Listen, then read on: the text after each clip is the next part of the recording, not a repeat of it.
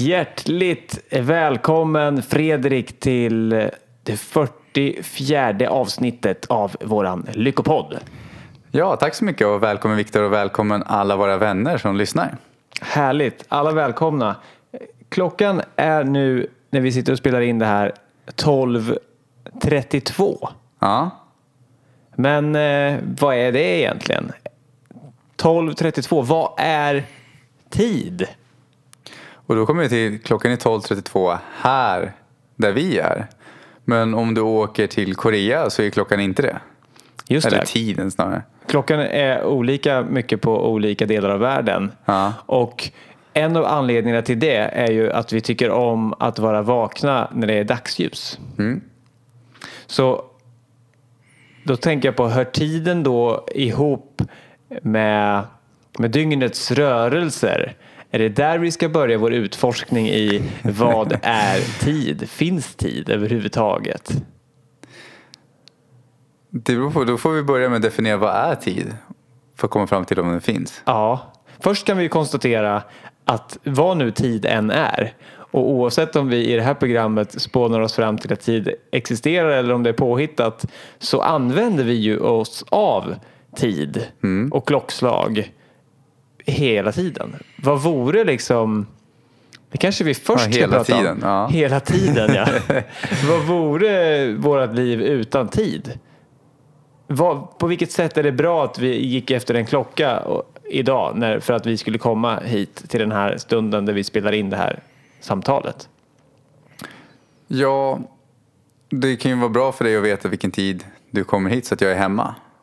Så att för att kunna stämma träff med någon som vi inte från början är på samma plats som så använder vi tid för att slippa vänta på varandra. Det kan vara ett exempel. Och hela samhället tänker jag är byggt på, jag tog ju bussen hit. Bussen in till stan. Och, och den det är ju, går ju då enligt ett schema. Och scheman är ju gjorda av tid. Så det är mycket som styrs av tid. Ja, vi använder, men jag tror så att vi kan tid är ett verktyg som vi kan använda som ett hjälpmedel eller ett stjälpmedel. Alltså, det är ju vår attityd till tiden som avgör om vi blir stressade eller känner oss trygga av den. Hur tänker du där? Absolut, det är som ett, ett verktyg som vi använder för att eh, samarbeta och komma överens och organisera saker. Och det mesta i, i samröret med andra personer handlar ju om det. Att samarbeta och relatera och komma överens och leva sida vid sida men ändå tillsammans. Och där är verktyget tid eh, väldigt värdefullt. Men vad är egentligen tid? Vad skulle du säga? Och då tänker jag att, att tid är rörelse. Och då kommer jag tillbaks till det här med att dygnet, solen går upp och solen går ner.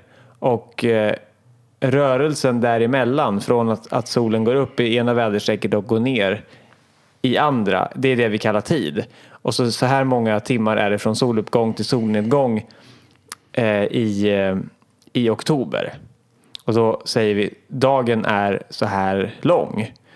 Och vad vi egentligen har gjort då är att säga så här länge rör sig solen.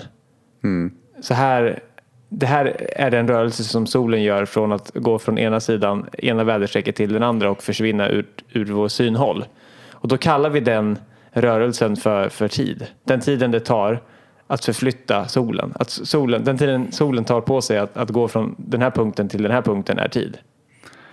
Men skulle man kunna säga att man använder tiden som en preferenspunkt för hur lång tid saker tar?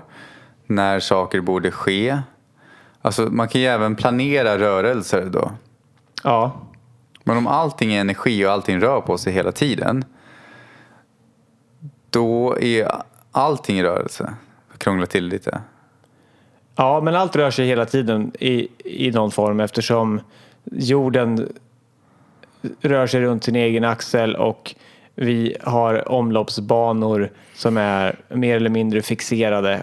Och utifrån det så räknar vi dagar och år och decennium och allting. Och utifrån exempelvis hur en, en en komet eller någonting rör sig just nu så räknar vi ut att om den fortsätter att röra sig i samma hastighet, i samma riktning, i samma omloppsbana eller vad det kan heta. Jag är inte någon astronom eller astrofysiker eller vad det nu mm. ens kan heta.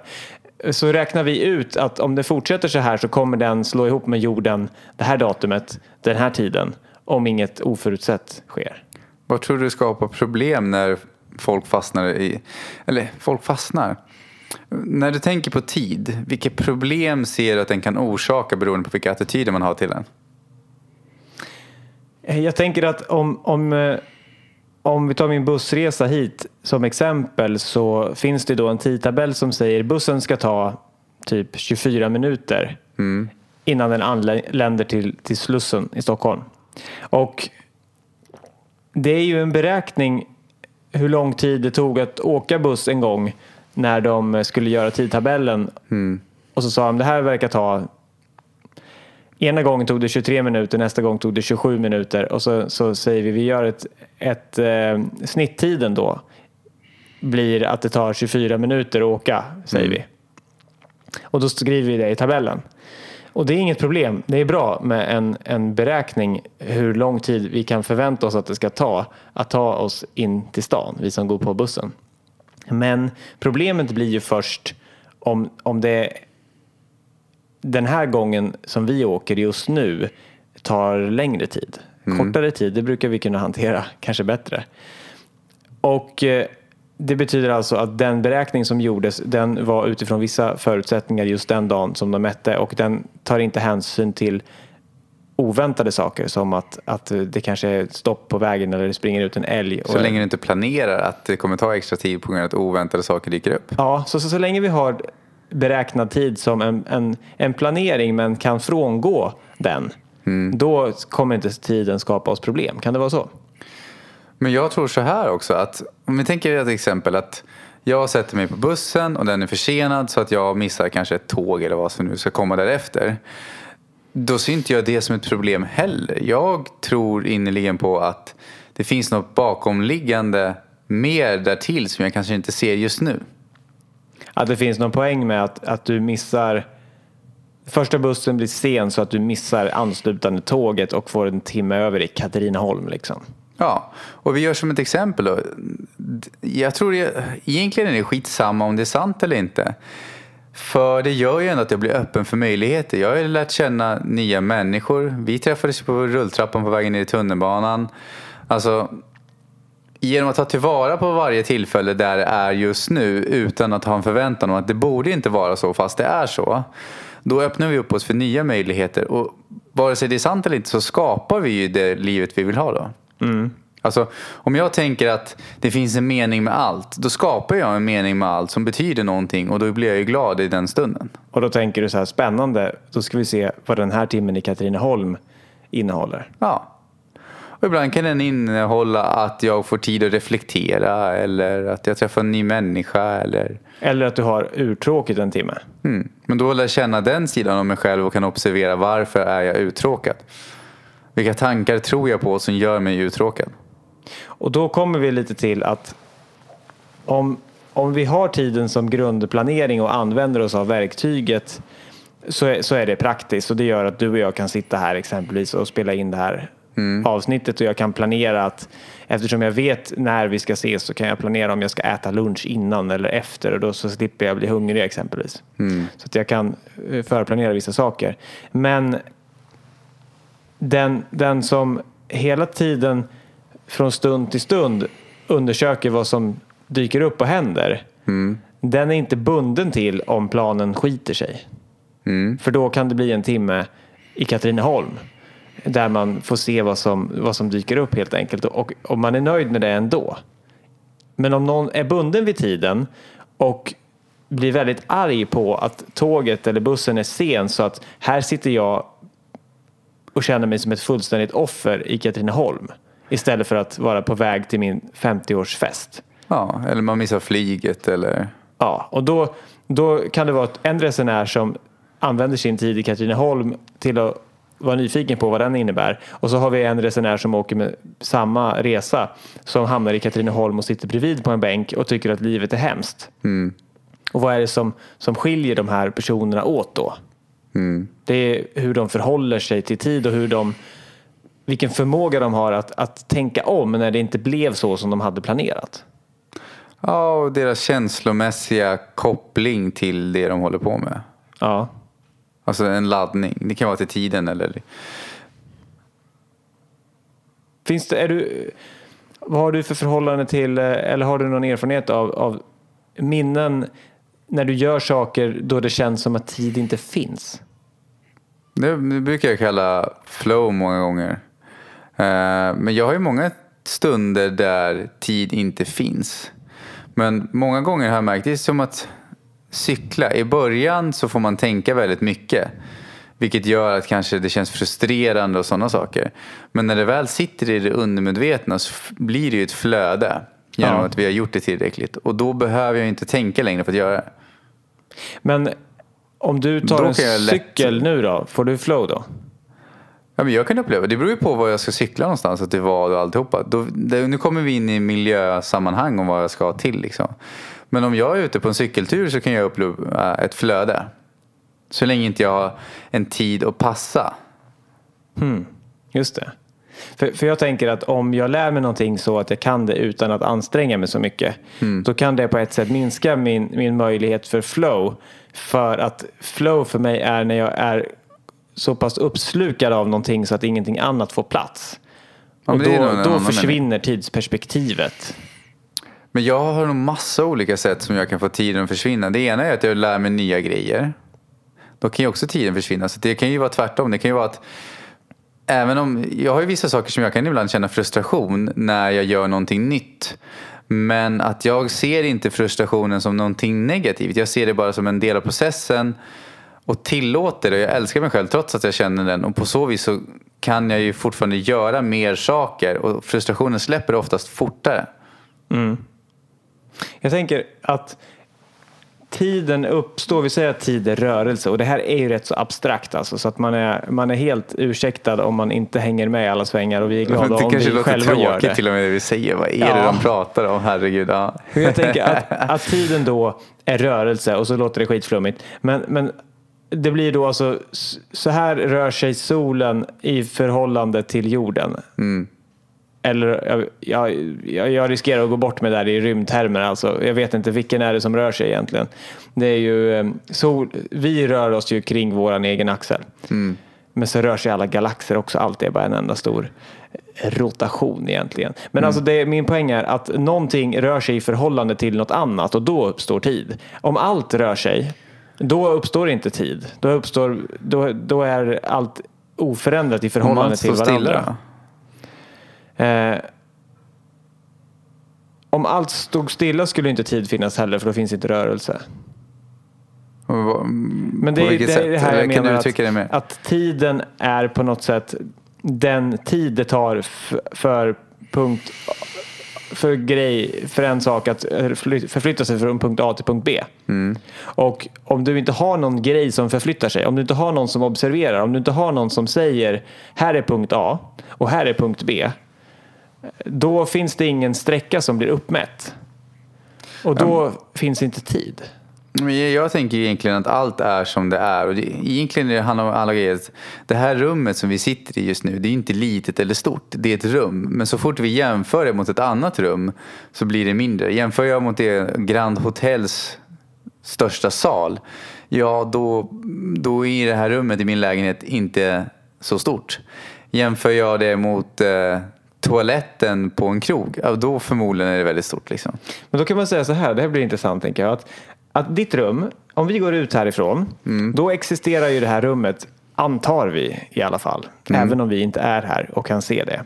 Och salen på Grand Hotel, eh, den, vi är ju inte där just nu så vi kan ju inte se den. Men vi antar att den existerar. Jag har inte varit där, men du har varit där antar jag. Och då, Ja. då vet du att den existerar. Det är din upplevelse i Jag alla fall. det i alla fall. Och då kan man fråga sig,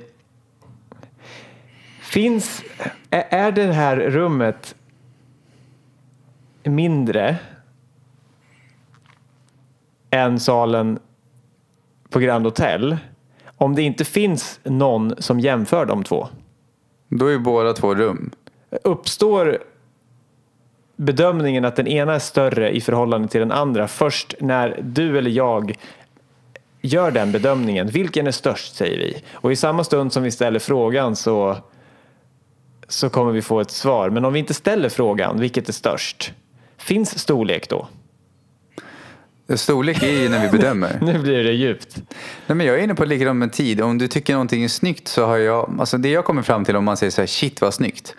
Då är det i min tolkning en baserad på en preferenspunkt som jag jämför med något annat som jag tycker om. Ja, Och det där är fult, men då jämför ju jag med någonting jag tycker är snyggt. just det. Så att komma fram till att det är fult. om vi tar en tavla som du har på väggen här över New York-motiv. Ja. Och så kanske vi säger det här En är blå tavla. Ja, Det här är snyggt, fototavla, säger ja. jag. Och då är frågan, är det snyggt, är tavlan snygg innan jag står här och tittar på den och säger att den är snygg? Eller blir den snygg i samma stund som jag bedömer den som snygg? Ja, och då blir den snygg, snygg. för mig. För om du tar någon annan person så kanske de kommer dit och tänker att ah, men, ah, en, en tavla, en fototavla med glasyta på. Varför skulle den vara snygg? Det kanske finns någon som tänker så också. Ja, men då kanske de tänker att den är ful. Ja, Eller neutral. Och då blir den ful eller neutral i samma stund som de tycker det. Så på samma sätt menar jag att, att tiden finns bara eh, när vi eh, tror att den finns. När vi bestämmer att den finns. På samma sätt som tavlans eventuella skönhet finns bara i samma stund som jag betraktar den. Så finns bara tiden i samma stund som jag betraktar den. Men så har vi likadant med pengar. Alltså, det som underlättar till exempel om jag sätter mål är att jag har studerat det här området ganska mycket. Det är så länge vi tänker att det handlar om massa pengar, jag ska tjäna massa pengar. Då sätter vi en värdering på massa. Och oftast när vi sätter den värderingen att det här är massa undermedvetet, inte för alla då, men för många så läggs det till en association att mycket det är svårt.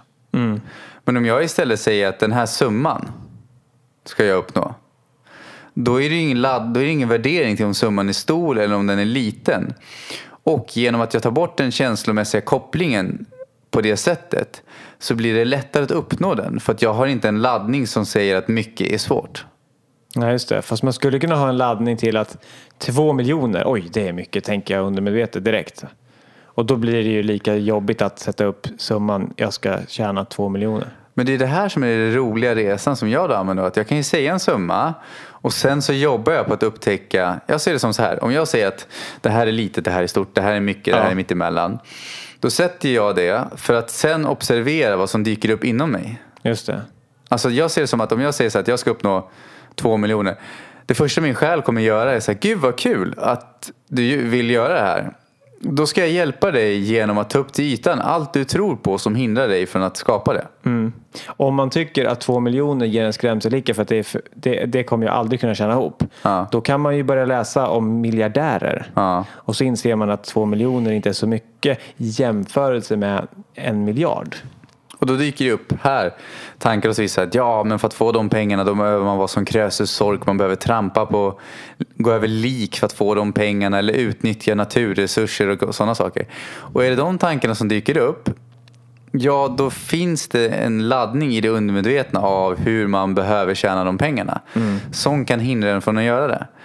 Medan jag, där gäller det att stoppa in en annan bild som istället är så att det är ett verktyg. Ja, visst, du kan använda den till att skövla regnskog men du kan också använda den till att göra någonting gott. Till att, jag vet, Andrew Carnegie som jag läste om, han ville bidra till, för typ hundra år sedan, utvecklingen, han var ju miljardär och han ville bidra till att alla skulle få tillgång till att utvecklas och lära sig saker. Så han byggde ju typ 1300 bibliotek med sina pengar och gav bort allt innan han dog. Så att man kan ju använda det på positiva och negativa sätt.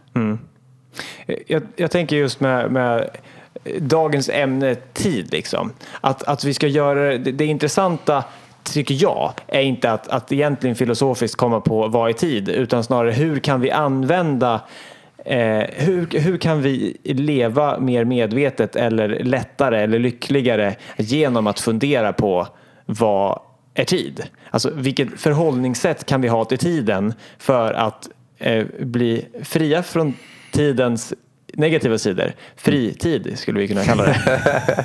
Det är fritid. Ja. Att vi blir eh, vi använder tiden och klockan till allt det som den är bra till. Eh, Men, men, inte, men undviker fällorna som vi lätt hamnar i.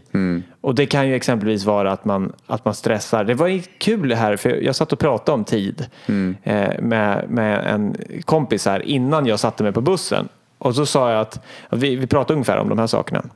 Och så sa jag att eh, jag observerar nu i mig själv att även om vi pratar medvetet om, om tid och att tid kanske egentligen inte existerar, i alla fall om inte, om vi inte tror det just då, så, så börjar ju en del av mig fundera på nu måste jag kolla upp i, i kollektivtrafiksappen vilken tid bussen går och så får vi se, kommer jag bli sen nu eller hinner jag? Och så börjar jag känna en liten, liten stress eh, växa. Och så kommer jag på mig själv att just det, eller så släpper jag det. Jag struntar i att kolla när bussen går och jag går till stationen och så litar jag på att det blir, det blir bra som det blir.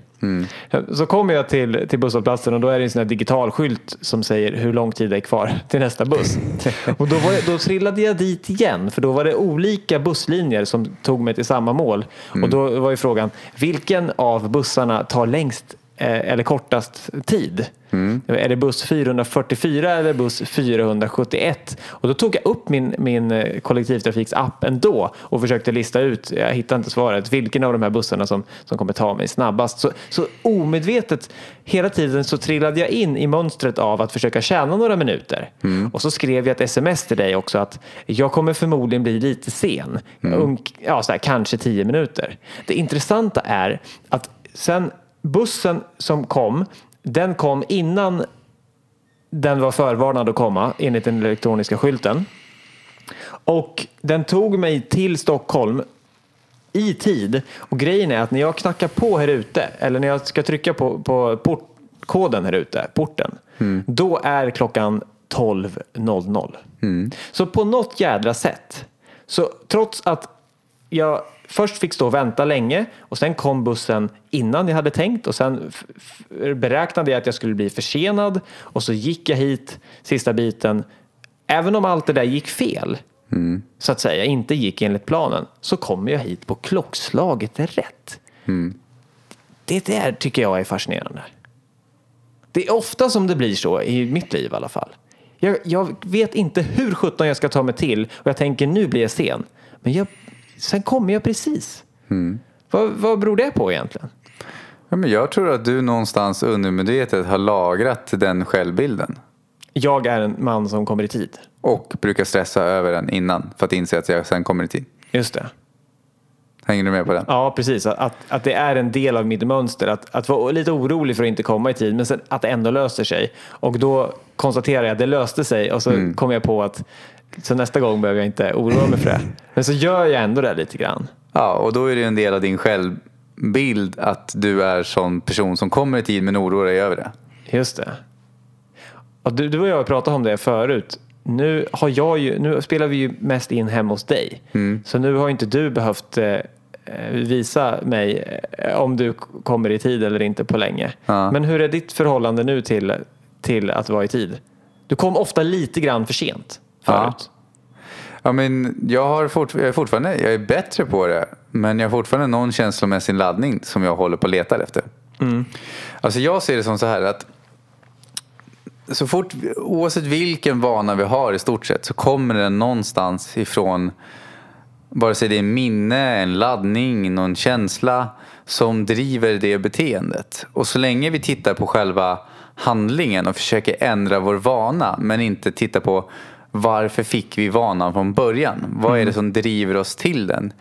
Så är sannolikheten stor att vi kommer antingen förvränga vanan, hitta på en ny eller alltså Låt säga att man har ett självsaboterande beteende och säger nu ska jag vara duktig, nu ska jag ändra det beteendet. Så hittar man och så ändrar man det beteendet. Så märkte jag förut då på mig själv som jag var förr.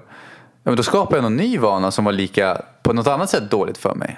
För att det undermedvetna fick en kick eller fick ut någonting av det. Just det. Typ att man byter ut ett beroende mot ett annat. Man slutar röka och börjar äta morötter. Ja. men vi kan ta upp ett exempel då. Jag satt och jobbade nyligen på varför jag inte trivdes med att vara i köket. Och det, det där har jag gått länge och funderat på vad det beror på. Men att det jag kom fram till var, efter mycket analyserande, för jag gick där och tänkte vad sjuttsingen är det som gör att jag inte trivs i köket? Jag kan inte komma på varför. Och då tog jag hjälp av en vän som är väldigt duktig på att ställa frågor på samma sätt som jag. För ibland behöver man hjälp själv att hitta sina egna mönster. Mm. Um, och ju när vi grävde bland minnen och mönster och alltihopa, bara, är det att det är socialt? Det handlar det om maten? Handlar det om själva köket? Vad är, vilken del? Jag försöker hitta vilken del av det hela är det som faktiskt inte funkar. Vad är det som triggar igång den här känslan? Ja. Och efter ja, kanske en halvtimmes grävande, eller vad man ska kalla det, så kom vi till ett minne av att när jag var liten så rökte min mamma under fläkten tillsammans med sina kompisar. Och då ville ju de såklart inte att jag skulle få i mig röken. Hon började röka på balkongen sen, men de ville ju inte att jag skulle få i mig röken. Så då stängde ju de köksdörren som hade en sån här glasruta. Och då, fick, då satt jag många, ibland utanför och tittade in. Och på något sätt har jag lagrat att känna mig utanför, att inte känna mig välkommen i köket. Just det. Och det var som så här, aha, där, där har vi ju en del av grunden ju. Ja. Och jag kände när jag hittade punkten att där har vi den liksom. Det där är så fascinerande. Man söker i sitt minnesbibliotek och till slut hittar man boken man letar efter. Ja. Och så kan man läsa vad det står på den där sidan som man undrade över och så blir man lugn. Ja. Och ibland, så är, ibland använder jag använder tapping, transformation, många olika verktyg. Vi har ju en podcast till och med om det. Eh, även självhypnos använder jag ibland. Verktyg för inre frid eh, avsnittet av Lyckopodden får ni i så fall gå tillbaka till om ni är mer nyfikna på det på Ja. djupet. Eh, för att plocka bort de känslomässiga laddningarna till det då. För då tittar jag på, då kan det vara flera andra minnen där. Men om, så länge inte jag, så länge jag fokuserar på att själva saken i sig och inte tittar på vad är det som orsakar det. Då är det lätt hänt att jag inte kommer åt grunden. Men om jag börjar jobba på grunden och rensa bort de känslomässiga blockeringarna och minnena och sådana saker. Så att jag blir neutral. Det handlar inte om att man ska plocka bort sina minnen helt. Man vill bara vara neutral till dem så att man inte går igång på dem. Eh, Ja, det går ju inte att plocka bort dem. Ja, precis. Ett Men minne många- som har kommit kommer alltid finnas där men man kan plocka bort sina känslomässiga laddningar kring det. Ja. Och på så vis, på då påverka. Och det gör det också lättare, till exempel om jag skulle säga att jag kliver in i köket och kommer känslan. Då kan jag bara, oho, hörru, men det här, det här vet jag, det stämmer inte på grund av det här. Då är det lättare för mig att bearbeta det om jag vet vad jag ska bearbeta. Just det, du kan gå in i köket och så bara, jag ser ingen dörr som är stängd. Mm. Jag är inte utanför i det här köket. Ironin är, jag har ingen köksdörr idag, men ändå kan jag känna så. Liksom. Ja, Eller ja men det är en kunde. mental dörr ju Ja, precis. som är stängd. och då spelar det ingen roll hur många gånger man försöker renovera köket för att man tycker att man inte trivs i sitt kök. Mm. Eller flytta, eller vad som helst. Det här kan ju vara någon motsvarande som man har med sig. Man kanske, inte, man kanske överhuvudtaget inte hittar ett hem där man trivs. Mm. Och det kanske är för att man har någon sorts koppling till sitt barndomshem. Så att var du än kommer så, så kommer du bygga upp att typ köket är, det är inget trevligt. Och du, du kanske flyttar runt i lägenhet efter lägenhet ett helt liv för att du aldrig tycker att du hittar ett kök som du trivs i. Och du kanske har en, en dröm om att kunna sitta i köket och, och ha det trevligt. Liksom. Och njuta av en måltid och äta långsamt. Ja, Det- precis. Där har jag faktiskt kommit fram att jag åt ju mycket snabbare för. Och en av grunderna kom faktiskt där också ifrån. Att eftersom jag tyckte det var så jobbigt och jag inte kände mig välkommen. Då hade jag skapat på något vänster, bland alla minnen där, en laddning till att maten är någonting som, det är gott men det är någonting som är onödigt. Det tar tid och man vill få det överstökat. Ah, Men det kommer ju från att jag kanske inte känner mig välkommen överhuvudtaget i köket. nej. Och då blev ju det ett onödigt moment. Och det i sin tur ledde till att jag åt snabbare. Och då jobbade jag förr på, när jag jobbade på vanor, att om jag ska äta långsamt, jag ska göra mindful eating och alla de här grejerna. Problemet var ju bara så fort jag inte tänkte efter så pop, hoppade jag tillbaka i gamla mönstret. Ja. Men om jag istället gick tillbaka till orsaken till varför, att det var ett nödvändigt ont och det var jobbigt, hela matlagningsprocessen, då kunde jag börja äta långsammare. Det här tycker jag är så fascinerande. Nu, nu, vi pratar ju om tid nu, nu gör vi inte riktigt det. Men jag måste ta den här, den här delen också. För det var någonting som, vi kommer tillbaka till tid. Jag har en Vi grej kanske får där. byta rubrik på... Ja, jag har en krok där kring, kring tid. Men, men jag, jag tar den här delen först. Och det, det är just att om man är rädd för någonting. Eh, säg att du är rädd för att tala inför människor. Typ. Att, att man ska öva sig på det. Att gång på gång utsätta sig för situationen för att det ska gå över. Det är ju en vanlig, eh, det är ett vanligt förhållningssätt till rädslor. Du gör det mer så går rädslan bort. För att du kommer märka efteråt att, att du överlevde. Typ så. Men grejen är ju att du märker varje gång som du har utsatt dig för någonting att du överlevde och förhoppningsvis så var det inte riktigt lika farligt som du trodde. Men min upplevelse är att, att man, kan, man kommer fortsätta behöva ta sats varje gång och man kommer kanske fortsätta vara orolig varje gång man ska prata om man inte har gjort som du har gjort nu och gått till grunden i vad var det som, som skapade min rädsla att prata inför människor. Så att du skulle ju nu har du ju hittat vad det handlade om. Men annars så skulle ju du kunna försöka intala dig att det är, eller så här, det är inget farligt att vara i kök. Jag tycker om kök. Det är inga problem. Du skulle kunna göra det hur många gånger som helst och bara nöta, försöka nöta bort en rädsla. Men så länge som den är programmerad så kommer du inte kunna slipa bort den med ett, ett fint sandpapper. För du kommer inte åt roten, för den växer ut igen hela tiden. Byter form bara. Så att en stor del av, alltså, för då vill jag ändå säga att om någon tycker att det funkar att möta sina rädslor på det här sättet så jättebra, kör på det. Men om du tycker att det är jobbigt att varje gång vara orolig för samma sak och behöva komma över tröskeln varje gång, vad du nu än är rädd för. Då finns det något under och då kan det vara värt att titta på en sån här metod. Jag har läst lite statistik. Det var flera år sedan, jag kommer inte ihåg exakt vad källan var. Men det var när de gav matråd, kostråd, träningsråd, alltså egentligen ekonomiråd, i stort sett de flesta råden i olika kategorier.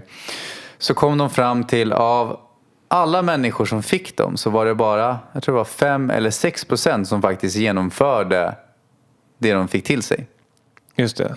På grund av, och det de kom fram till, en av slutsatsen var på grund av att resten klarar inte det. De behövde lära sig att tänka annorlunda kring situationerna.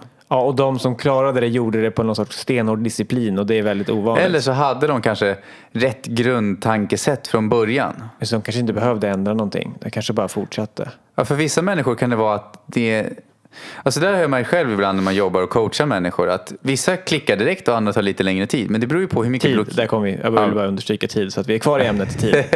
ja, det, tar, det, ja, det beror på hur mycket blockering de har och sådana saker. Liksom. Ja. Jo, men det här med, tillbaka till lite mer hardcore tid. F- Uttrycket flow, det Ja. har vi pratat om förr och jag gillar det Jag tyckte verkligen. jag formulerade mig konstigt på den frågan men ja. För mig är, är flow att glömma bort tiden och det gör jag oftast när jag är så pass fokuserad på någonting så, så att allt annat försvinner. Man skulle kunna säga att om, om jag sitter och stirrar på Mm, om jag tittar jättenoga på ett ljus som brinner och, och jag lyckas ko- koncentrera mig så mycket så att allt annat bara försvinner. Så om min mamma ropar Viktor från eh, köket så, så, så tar jag inte åt mig av det för att jag är så fokuserad på, på ljuset. Liksom. Då, då kan jag vara i flow. Och ofta kan det vara någon som håller på med sport kanske. Kanske bergsklättring eller schack. Någonting där man får stretcha liksom sin förmåga så att man, man ligger på perfekt nivå. Det är inte för svårt och det är inte för lätt. Det är bra förutsättningar för flow. Och i den här boken som heter Flow, den ultimata upplevelsens psykologi, tror jag att den heter. Med eh, den här svåruttalade Mi- Mihaly Csikszentmihalyi, Ja. typ. Han, Stava den också. Ja, exakt. Stava den. Det är flow om man lyckas göra det eh, snabbt. Ja. Han beskriver det som, han har då tagit reda på, han är lyckoforskare. Vad gör människor lyckliga? Och det han har kommit fram till är att när människor får beskriva sina största stunder så beskriver man då de här typiska upplevelserna när det kändes som att, att tiden försvann och allt bara hände. Jag tänkte inte, jag bara gjorde. Jag klättrade upp för berget, kanske bergsklättraren säger. Men jag funderade inte och jag var inte rädd. Det bara hände. Jag hittade bara vägen upp. Eller en surfare kanske som, som tar en våg och så bara, jag vet inte vad det är jag gör. Men när vågen tar mig så försvinner allt och det finns bara jag och havet.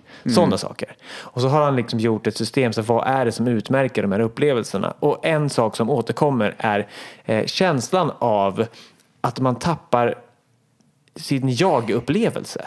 Så det är bara jag, eller så här, jag är ett med havet. Det finns ingen skillnad. Jag är, jag är berget som jag klättrar upp för. Alltså, man tänker inte där är berget och nu ska jag ta mig upp. Utan helt plötsligt man bara gör det. Man, man slutar tänka på något sätt. Hur fungerar det när man observerar och mediterar? Då? Eh, jag tänker att Jo, men då skulle man nog kunna säga att om jag sitter och mediterar så har jag ont i ryggen på, för att jag har suttit och mediterat så länge och det är, jag är trött. Liksom. Så kan jag komma till en punkt då jag inte tänker att jag har ont i ryggen. Jag identifierar mig inte längre med ryggontet utan helt plötsligt så bara är det en känsla. Och, och det är inget problem längre, jag bara känner det fullt ut. Men jag tänker inte på att jag har ont, det bara är där. Och att vi pratar om att tid uppstår när det finns en referenspunkt. Eh, Det tar så här lång tid att förflytta sig från A till B. Det kan jag lägga till en ganska kul grej då. För jag har ju många, jag har ju själv sagt det, det handlar om att leva i nuet. Ja, Det intressanta är att nuet är ju en manifestation av tidigare tankar som jag har, som uttrycker sig i fysisk form. Ja. ja men det, det ska vi nog in i. Jag- Jag ska avsluta min, Ja. min eh, variant här då. Så att upplevelsen av ett separat jag, jag som referenspunkt, den tycks försvinna i flow. Helt plötsligt så bara händer det. Och det, det kopplar jag ihop till att det inte finns en upplevelse av tid. Att tiden liksom stannar. Man vet inte efter ett superintressant eh, parti schack, om man nu gillar det, om man har förmågan att slukas upp av det. Så vet man inte om det gått en timme, 15 minuter, eller, för man har tappat tiden. Och då tänker jag, det som man nu egentligen gör är att man tappar sin referenspunkt. Man slutar vara sin egen referenspunkt. Då försvinner tiden. Och hans slutsats i de här böckerna är att ju mer flow du upplever, desto rikare liv har du. Att det är flow-upplevelserna som vi vill ha. Och då skulle man kunna säga att, att livet på något sätt blir lyckligt i den grad vi lyckas radera tiden. Går han igenom hur man gör det då? Han pratar ju om att det finns så många olika sätt att uppleva flow. Ja. Men att eh, den ena personen gör det genom schack, den andra gör det genom att se en film, en tredje genom läsning, en fjärde genom surfing. Ah, Det handlar egentligen inte om vad du gör utan vilken aktivitet som har förmågan att få dig så fokuserad så att allt annat försvinner. Jag kan ge ett tips då. Musik är ju ofta flow. Eh, för de som kanske tänker sig, jag vet inte vad jag vill. Då skulle jag göra ett tips att gå till en tidningsbutik idag. Eller Pressbyrån, Hemköp. Ja, någon, någon ställe som säljer magasin. Inte dagstidning utan magasin. Och så väljer du där tre stycken tidningar som du tar fram. Och sen baserat på de tre tidningarna så skriver du upp vilken rubrik du lockades av och varför valde du den. Mm. Och därifrån får du ledtrådar till vad som du är intresserad av för områden. Och därifrån kan du börja arbeta vidare på vad mer är jag intresserad inom de här delarna och hur kan jag göra mer av det. Ja. Så välj ut tre magasin Ja, utifrån vad som känns bra bara, vad du dras till. Och i dem så väljer du ut en, en rubrik, en artikel. ja nej, alltså vilken, magasin. vad, vilken, vad var det med tidningen som lockade dig? Ja, Okej, man behöver inte läsa dem utan man kan ta fram och så, så när för man väl har gjort den så, så funderar man på vad var det som fick mig att välja den här. Ja, men var det rubriken, var det bilderna, vad var det med bilden? Alltså om det är en hälsotidning, är du intresserad av hälsa? Där får man ju ledtrådar vidare till vad som väcker ens intresse. Just det. Och, det kan ju en, hjälpa en skapa flow. och en Jäm- sån direkt fråga, k- om man redan, det kan ju vara så att man redan har aktiviteter i sitt liv som skapar flow som man behöver bli påmind om. Och då kan det vara så här, på vilken aktivitet, när tappar jag lättast bort tiden? Mm. Då kanske man redan har ett svar. Man kanske redan vet vad som får en att hamna i flow. När tappar du bort tiden? När jag läser en riktigt bra bok, när jag hamnar i ett riktigt bra spännande samtal. När vi gör podd så tappar jag ofta bort tiden. Och ja, också sådana fysiska aktiviteter. Jag försökte lära mig surfa. Jag åkte till Sri Lanka för, för ett och ett halvt, två år sedan för att lära mig surfa. Och jag hade läst den här boken då, eh, något år innan eller ett halvår innan. Så tänkte jag så här, okej. Kan jag du säga håller- den igen för de som vill? Eh, boken heter Flow och jag tror att undertiteln är Den ultimata upplevelsens psykologi. Ja. Och då tänkte jag så här, ja men jag, jag, kände just att jag känner igen det här som han berättar. Jag håller med om att de största upplevelserna i mitt liv är när jag tappar tiden. Och så tänkte jag, när upplever jag det och vad kan jag göra mer av i mitt liv? Kan jag prova några nya aktiviteter som verkar ha bra ingredienser för att sluka upp mig? Mm. Och då började jag med yoga tack vare det. Och det, det gav mig mycket. Och sen så tänkte jag då att nu ska jag lära mig något mer när jag ändå har möjlighet att åka bort på en lång semester. Jag lär, försöker lära mig att surfa. Det är en sån aktivitet som många berättar om att de bara de blir helt hooked på surfing. Liksom. Mm. Och så försökte jag lära mig det och lärde mig det till viss del. Men det var där som en kille rekommenderade Hör du, har du hört talas om, om meditationsretreat? Och, och, så hade jag inte det riktigt och så åkte jag på det. Och det är det som är det häftiga, att jag letade efter flow-aktiviteter. Så att jag hade ställt in mitt sikte på flow-aktiviteter för att förgylla mitt liv. Eh, och testa att bara hitta mer och mer sånt. Och då hittade jag en flow-aktivitet via meditation sen. Som jag insåg att inte, som vi brukar säga, meditation är bara, det är bara en etikett, det är bara ett ord. Vi kan, prata, vi kan säga att det handlar om att hantera sina mentala system, mental träning kan vi kalla det. Medveten närvaro. Ja, och, och då insåg jag att, att i det här fallet, det som jag kallar för meditation, det var ett sätt att bli mer närvarande, att, att förstå mina mentala processer och att lära mig att hålla fokus. Mm. Det skulle kunna vara att bara sitta och titta på ett ljus och varje gång tankarna försöker dra en därifrån så tillbaka till ljuset. Mm. Tillbaka till ljuset. Det blir närvaroträning. Och just närvaron är grundingrediensen i flow. Mm. En del kanske behöver hoppa bungyjump för att spetsa alla sina sinnen och bli fullständigt närvarande. Någon annan kanske klarar det genom att läsa en bok i bästa fall kanske man klarar det genom att titta på ett ljus. Och det handlar mycket om ens mentala kondition, ens möjlighet att fokusera. Så ju mer fokuserade vi är, desto oftare hamnar vi i flow. Men jag skulle också lägga till reflexer och sådana saker. Alltså jag kommer ju från det här att jag har ju diagnosen Asperger och ADD. ADD är ju en sån här, ja, den har ju gjort att det är svårt att hålla koncentrationen. Men där har ju jag gått istället kurser. Det finns något som heter rytmisk rörelseträning som integrerar spädbarnsreflexer. Jag vet inte om jag uttalar allt det där rätt men eh, Googla rytmisk rörelseträning med Harald Blomberg.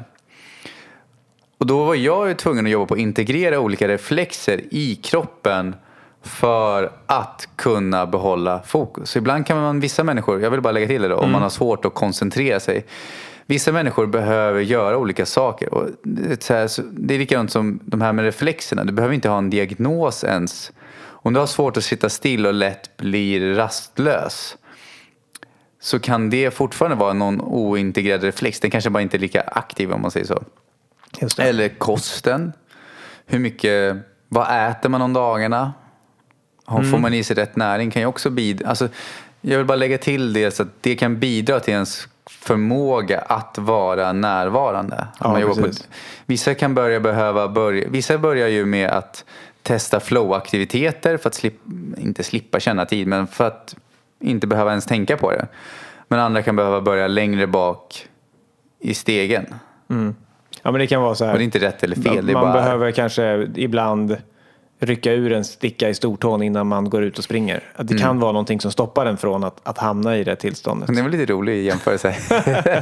ja, då är inte lösningen att bara springa mer utan då kan mm. man undersöka det först. Mm. Så det här är intressant och det här programmet handlar om, om vad är tid och vi undersöker det. Och det känns som, i alla fall är min tanke, att, att det har lett oss fram till eh, en, en teori som handlar om att när vi släpper tiden, då händer det magiska.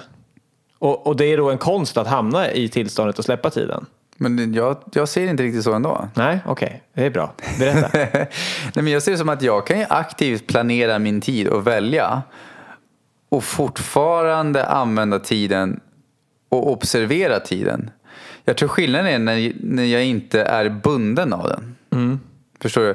Det är precis som att jag kan planera min kalender under veckan. Så att jag har fortfarande använt tiden för att planera vilka bussar jag ska ta, hur jag ska åka, vilka jag ska träffa och sådana saker. Samtidigt så lämnar jag utrymme i min kalender för möjligheter att vara spontan.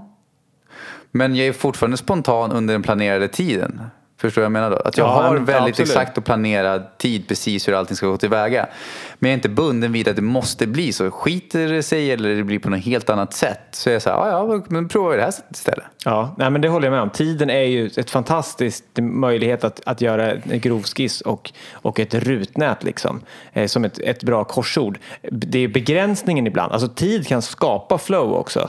När du får vara kreativ inom vissa ramar så kan det bli väldigt kreativt och spännande att lösa eh, en situation. Typ korsord. Du har bara fyra bokstäver och om du har obegränsat med, med rutor i ditt korsord, då blir det ju aldrig spännande för, för då kan du ju välja vilket ord som helst och då försvinner ju liksom, eh, tävlingen. På samma sätt så om vi tar sportens värld. Sport är mer eller mindre flow-aktiviteter och har, har överlevt genom åren för att människor tycker om att göra dem. Och varför tycker man om att göra dem? Jo, för att man har vissa avgränsade regler ofta tid. En period har en viss längd och en halvlek i fotboll har en viss längd. Och det vet ju alla som tittar på fotboll ibland, eller hockey eller vad som helst. Det blir ju mer spännande i slutet av matchen när man vet att nu är det bara en minut kvar tills domaren blåser av matchen. Då är det väldigt lite tid och då är det ju på sätt och vis tiden som skapar spänningen och som kanske liksom skapar den speciella upplevelsen. Så äh, tiden är ju verkligen ett fantastiskt verktyg också. Det är bara som du säger, när man är, när man är slav under den eh, det- och blir ett offer för den och känner sig orättvist behandlad av världen när man får sitta en timme i Katrineholm. Det är då det blir ett problem. Spännande tankar om tid. Vi alla förhåller oss ju till det hela, hela tiden. Ja. ja, jag vet inte om det här programmet blev helt logiskt av alla eh, twister vi fick till men det var ett givande samtal i alla fall. Ja, spännande att se hur lång tid det här har tagit. Ja, det roliga, det kan jag faktiskt säga att jag och Viktor tar inte tiden på våra program utan vi kör bara igång och spelar in utan att dessutom, vi redigerar inte heller programmen. Det tar den tid det tar Ja. och blir som det blir. Och ironiskt nog så, vi är ju alltid under en timme tror jag. Vi har Ja, men någon gång, jo det har vi visst det. Men det, vi det, nästan Jag skulle tro att vi alltid. snittar, alltså de, den vanligaste siffran är typ 45 minuter. Ja, ja, ja sak samma. Eh, vi vill också tipsa om Nextory som är med och sponsrar oss nu.